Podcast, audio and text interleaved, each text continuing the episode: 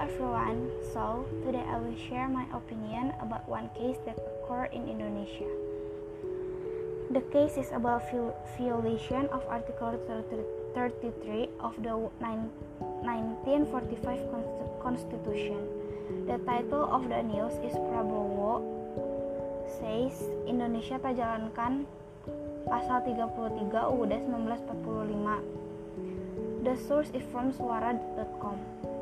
Prabowo menjelaskan masalah ekonomi bangsa saat ini terletak dari tidak dilaksanakannya pasal 33 UUD 1945 yang disebutkan dalam pasal 33 ayat 1 bahwa perekonomian disusun sebagai usaha bersama berdasarkan atas ke, berdasarkan atas asas kekeluargaan.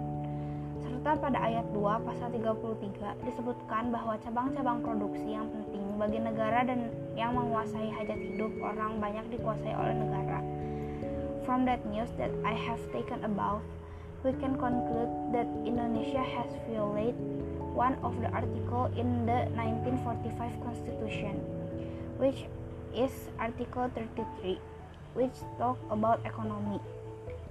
As good citizens, we should be able to follow and do what is written by the 1945 Constitution because the UUD itself is the highest law in Indonesia.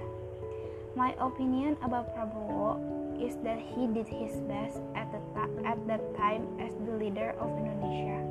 Thank you.